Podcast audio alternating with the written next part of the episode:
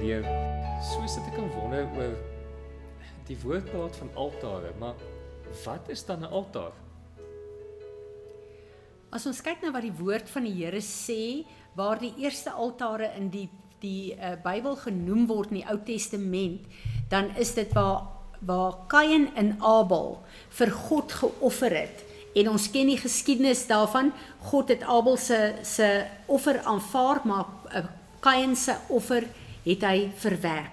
Nou in die tuin van Eden het Adam en Eva met God gewandel. Dit wil sê hulle het kontak met God gehad die heeltyd.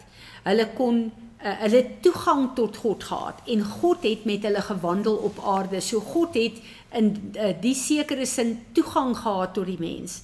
Toe die mens gesondig het, het ons ons toegang tot God afgesny.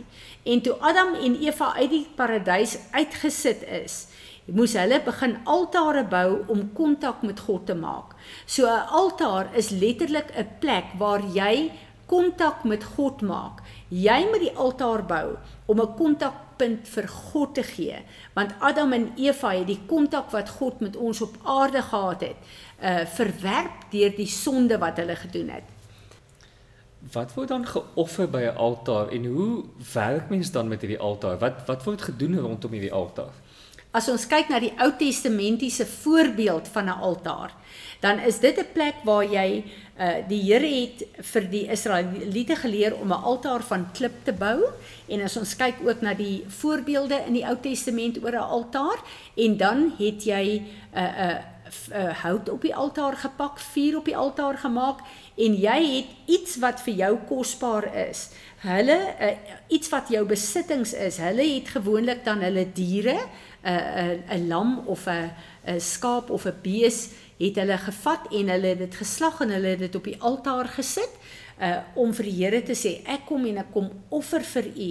En dis so interessant as ons kyk veral die ouers van Samson waar terwyl hulle geoffer het, het sê die woord van die Here het 'n engel van die Here wat vir hulle die boodskap gebring het in die rook van die offerhande opgegaan na die hemel.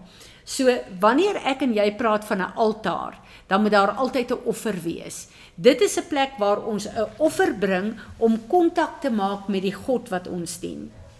So in die Ou Testament was dit baie opsigtelik geweest. Dit was 'n fisiese altaar wat jy gebou het. Daar's 'n offer opgebring, iets wat jou iets kos. 'n 'n 'n 'n offer moet jou iets kos. So dit is dan van jou besittings wat jy kom en jy gee dit en jy offer dit vir die Here.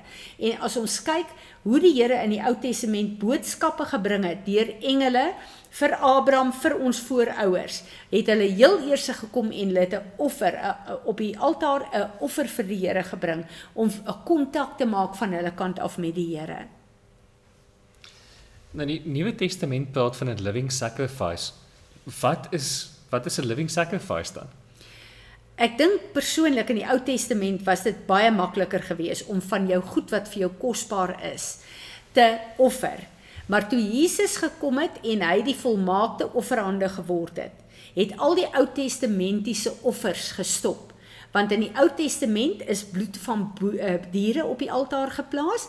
Jesus het met sy bloed gekom en hy het alle offers het hy kom uh, eindig en hy het die volmaakte offer geword want sy bloed het die bloed om ons te red en die die woord sê ook sy bloed is beter as die bloed van diere gewees waar die bloed van diere en die offers in die Ou Testament net ons sonde toegedek het het Jesus se bloed ons sonde kom wegwas wat baie belangrik is. Nou as ons kyk na die offer wat Jesus was uh, gebring het deur sy offer het ek en jy hom aangeneem en ons is teruggekoop in God se familie in, in God se oorspronklike plan vir ons. Maar as ons nou daarna kyk, dan besef ons Jesus het gekom en hy het die weg gemaak, die pad. Hy is die weg, die waarheid en die lewe. So as ek en jy wat nou as Jesus op aarde, hy was die eerste, ons is die res, as ons kom lewe op hom uh, volgens hom, dan moet ek en jy ook 'n offer word soos wat hy 'n offer geword het. En dan kom Romeine 12 vers 1 in werking waar hy gesê het ek het julle geroep as 'n lewende offer. Nou wanneer ons nou praat van 'n lewende offer wat ek en jy is, dan beteken dit ek en jy het 'n altaar. waar ons elke dag onsself moet offer. Die Here wil nie enigiets anders hê nie, hy wil ons as die offer hê. Maar die altaar is dan die altaar wat ek en jy in die gees bou. Dit is ons plek van kontak met God. So ek en jy uh se altaar in die uh Nuwe Testamentiese kerk beteken dat dit die plek is waar ek en jy daagliks God onsself kom offer, God se aangesig kom soek en waar ons bid, nie net vir onsself en ons gesinne nie, maar ook vir ons gemeenskappe, ons families, die nasies, die wêreld, dit wat God uh op ons harte lê. So ek en jy is die lewende offer. Wat is ons sacrifice? Here, ek gee tyd by my eie persoonlike altaar van gebed. My tyd gee ek vir dat U vir my kan sê wat moet ek bid en wat moet ek nie bid nie. Nou om saam te vat in my huis op 'n praktiese vlak Hoe bou ek 'n altaar daar en hoe lyk hierdie living sacrifice vir die res van my lewe? Ek meen want ek neem aan hierdie is 'n ding wat lewenslank gaan gebeur. Dis nie 'n ding wat jy net vir 5 minute doen en dan stop nie. Hoe lyk hierdie ding prakties in ons lewens oor 'n leeftyd? Piet, vir my is dit lekker om terug te kyk na my eie lewe. Ek het 'n gebedsaltaar wat ek in my huis gebou het wat persoonlik my plek is vir my en God. Hierdie gebedsaltaar laat die Here vir my sekere goed doen.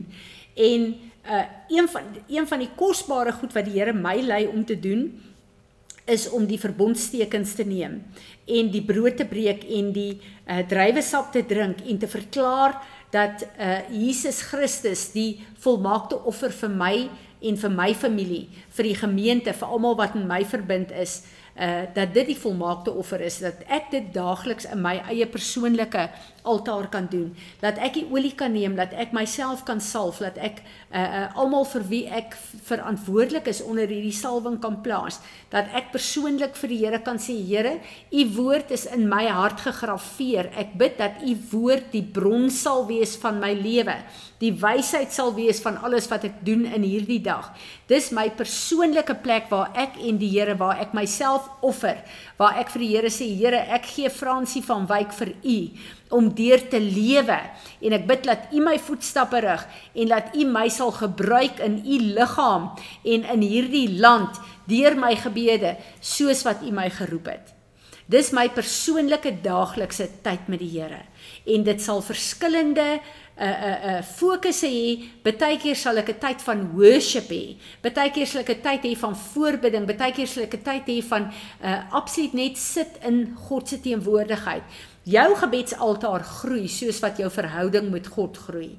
Maar dan het ek ook 'n gebedsaltaar wat ek in Johan saam bid vir ons familie. Dis 'n familiealtaar.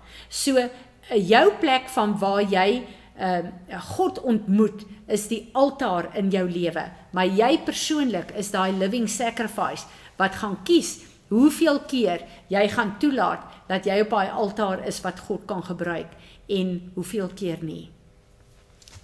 Kan jy ons help om ons te lei in 'n gebed waar ons ons keuses kan onderwerp aan Vader en waar ons hierdie selfsug in ons waar ons nie tyd wil spandeer in gebed om hierdie altaar te bou waar ons eintlik vir die televisie wil gaan sit en eintlik allerlei ander goed in die wêreld wil gaan doen, maar waar ons nie hierdie altaar wil gaan bou nie want dit is moeite om ons te help dat ons onsself onderwerp aan die Gees en in sy leiding en ons te help om hierdie ding te doen.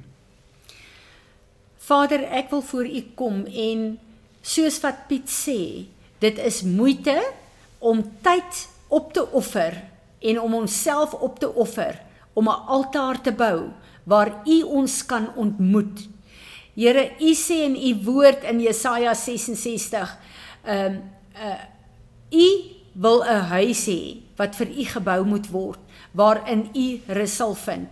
Vergewe ons dat ons lui is, dat ons laks is, dat ons nie tyd daar stel om hierdie gebedsaltaar in die gees te bou nie, om nie vir u spasie te maak en tyd te gee sodat u ons kan ontmoet vir onsself, vir ons gesinne, vir ons nasie, vir wat u ons op aarde geroep het om te doen nie.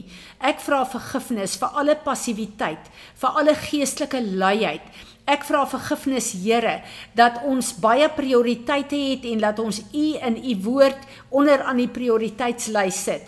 So vergewe ons asseblief Vader en ek bid dat U sal kom en dat U die woord sal gebruik om vir ons 'n nuwe passie, 'n nuwe honger, 'n nuwe dors te gee om U te ontmoet, Vader, sodat U doel in ons lewe in vervulling sal kom en U naam verheerlik sal word hier op aarde. Amen.